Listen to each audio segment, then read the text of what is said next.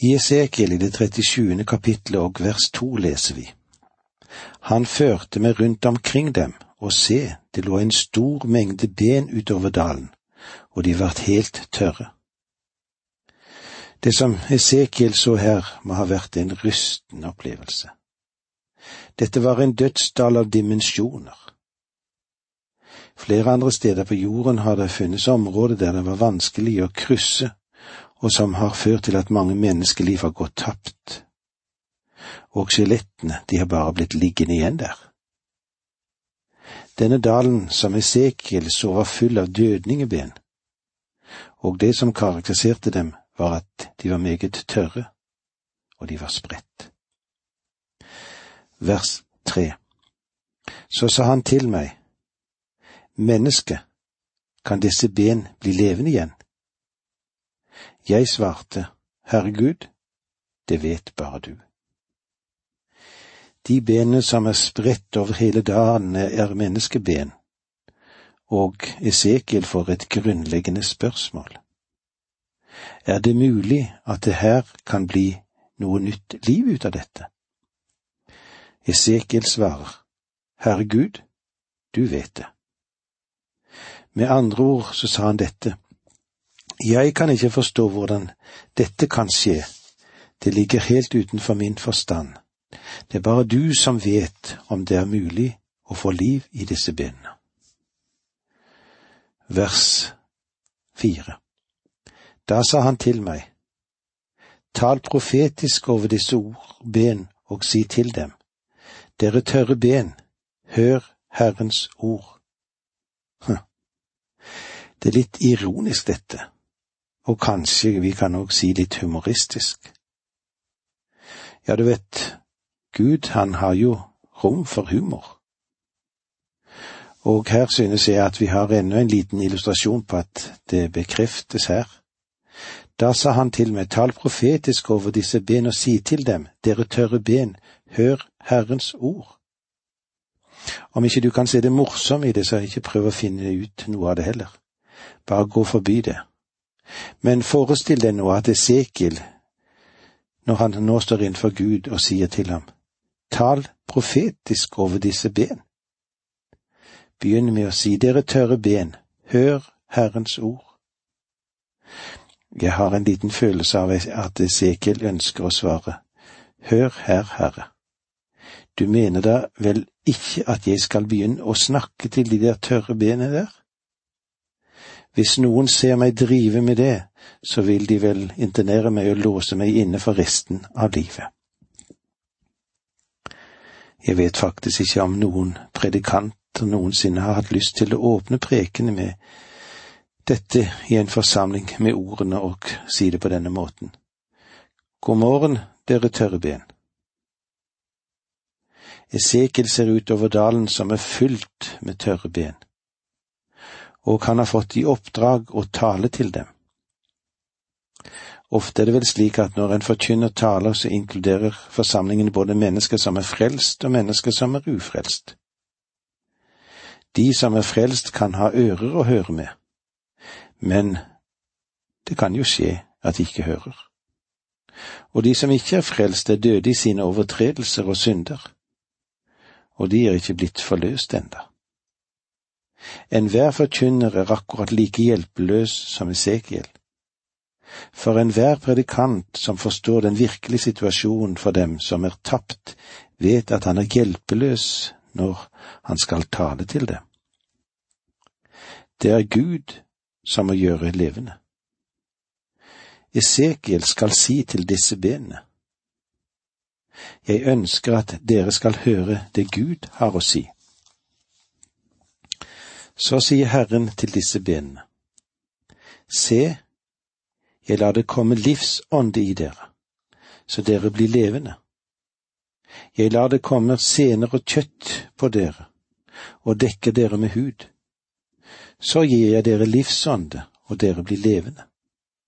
Da skal dere sanne at jeg er Herren. Ja, slik står det i Esekiel 37, 5 og 6. Gud sier, jeg ønsker at du skal tale til dem og si til dem at jeg er den som vil gi dem liv. Og Dette er jo vår situasjon i dag. Om ikke Gud griper inn, så vil ingen få åndelig liv. Når vi får brev fra mennesker som skriver Du frelste meg. Jeg kan ikke frelse noen, ikke en eneste. Det jeg kan gjøre er å tale til tørre ben, gi dem Guds ord. Det er det som er mitt oppdrag. Det er Guds ånd som er den som bringer liv. Det er den eneste måten livet kan komme til på. Denne tilpasningen av disse versene er viktig å ha med, men vi vil se at de også har en veldig tolkning langt inni seg. Vi leser vers syv. Jeg talte profetisk som jeg hadde fått påbud om, og mens jeg talte tok det til å buldre og skjelve.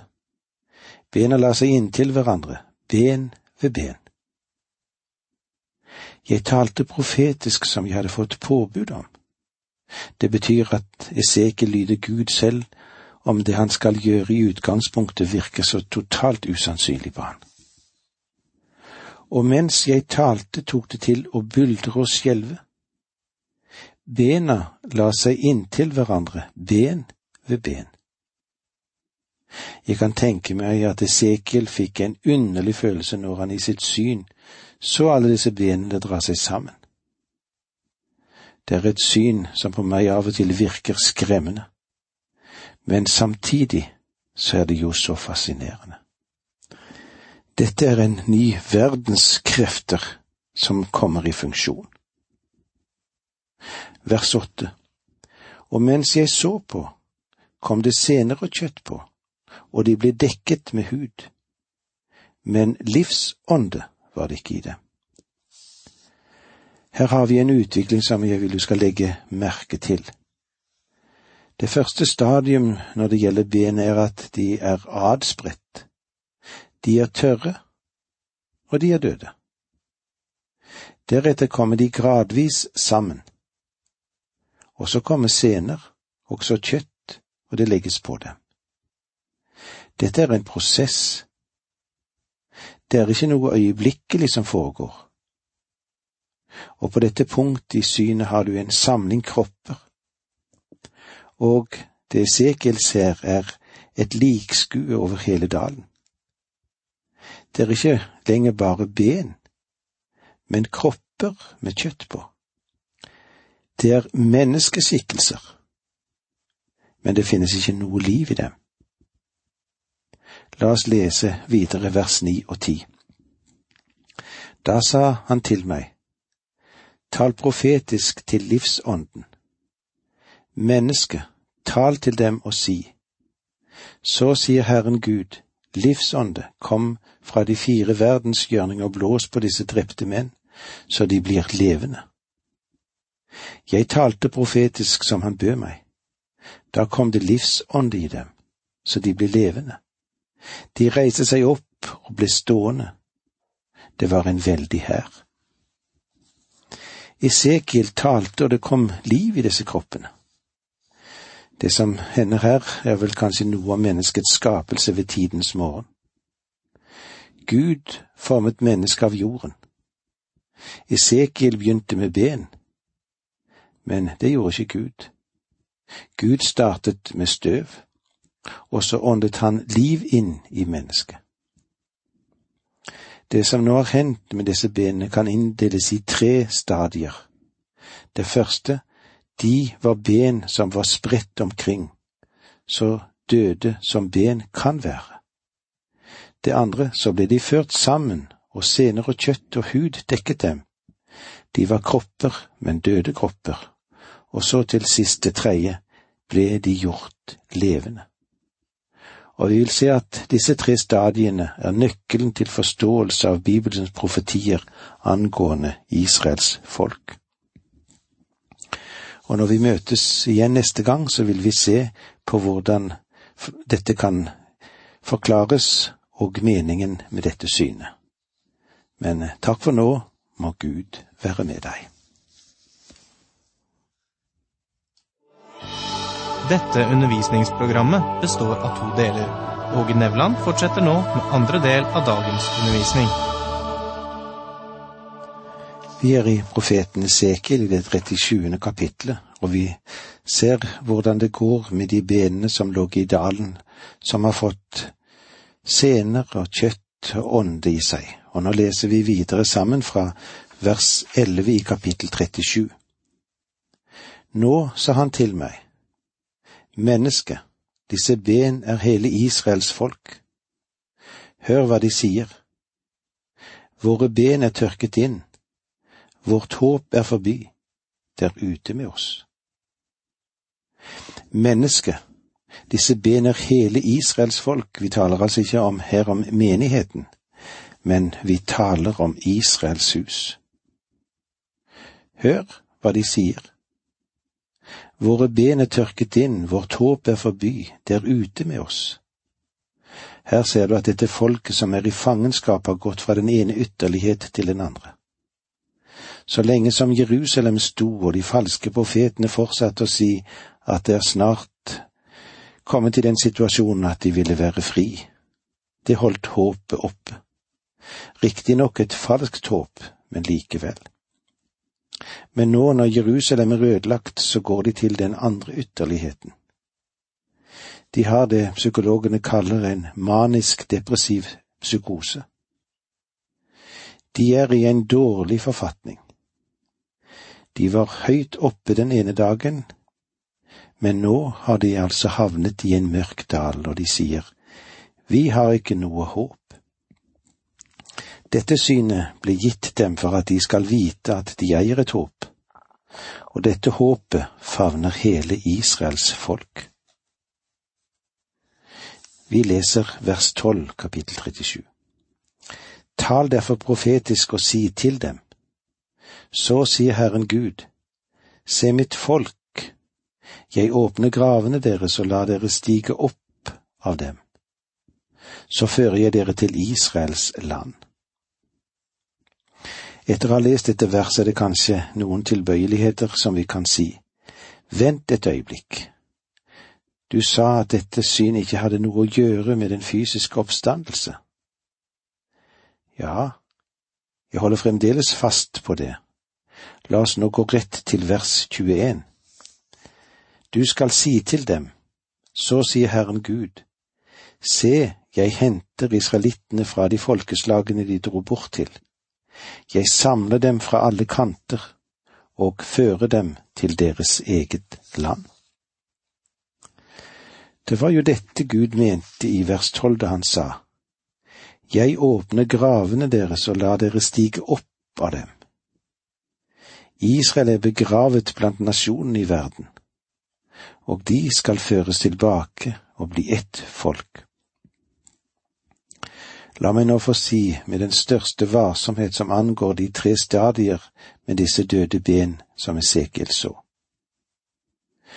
Jeg har sagt at det er nøkkelen til forståelsen av fremtiden for Israels folk, og jeg vil nå legge til at hvis det finnes noe punkt der vi har en fullbyrdet profeti, så dreier det seg nå om disse tre stadier. Jeg kan av og til være litt tilbakeholden når det gjelder å se oppfylte profetier, ja, både her og der, men jeg ser det i dette tilfellet. Følg meg nå nøye. Nasjon Israel var begravet og spredt blant verdens folk, og var døde for Gud døde for det Gud sto for, og det er det første stadium for de benene som vi så. Og siden 1948 er de kommet tilbake som en nasjon. Men på mange vis er det som et dødt legeme der. De har et flagg, de har en konstitusjon, de har en statsminister, de har et parlament. De har en armé. De har en politistyrke. De har et folk, og de har til og med Jerusalem. De har alt med unntak av åndelig liv. Dette ønsker jeg å si så forsiktig som jeg kan, men så langt som jeg forstår dette, så er den åndelige død fremherskende. I folket der finnes det mye av materialistiske fremskritt.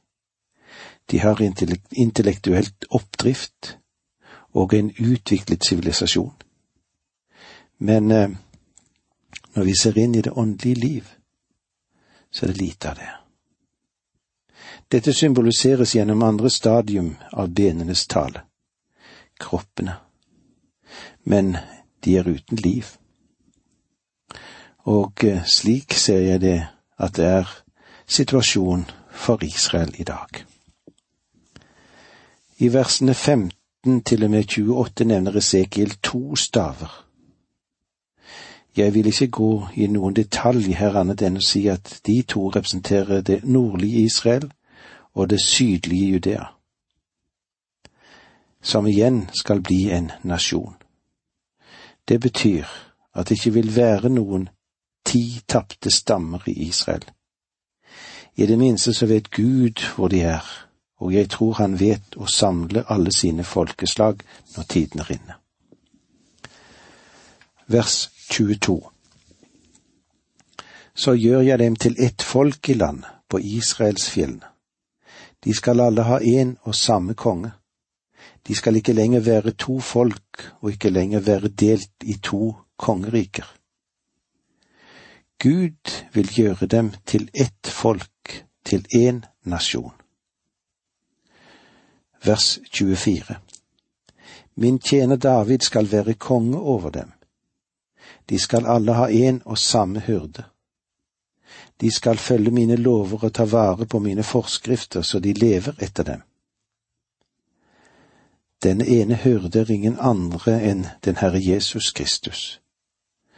Da han kom, var han født som en av Davids rotskudd. Det kan du lese om i Matteus 1 og i Lukas 1 og 2. Begge er nøye med å fortelle at han var av Davids ett.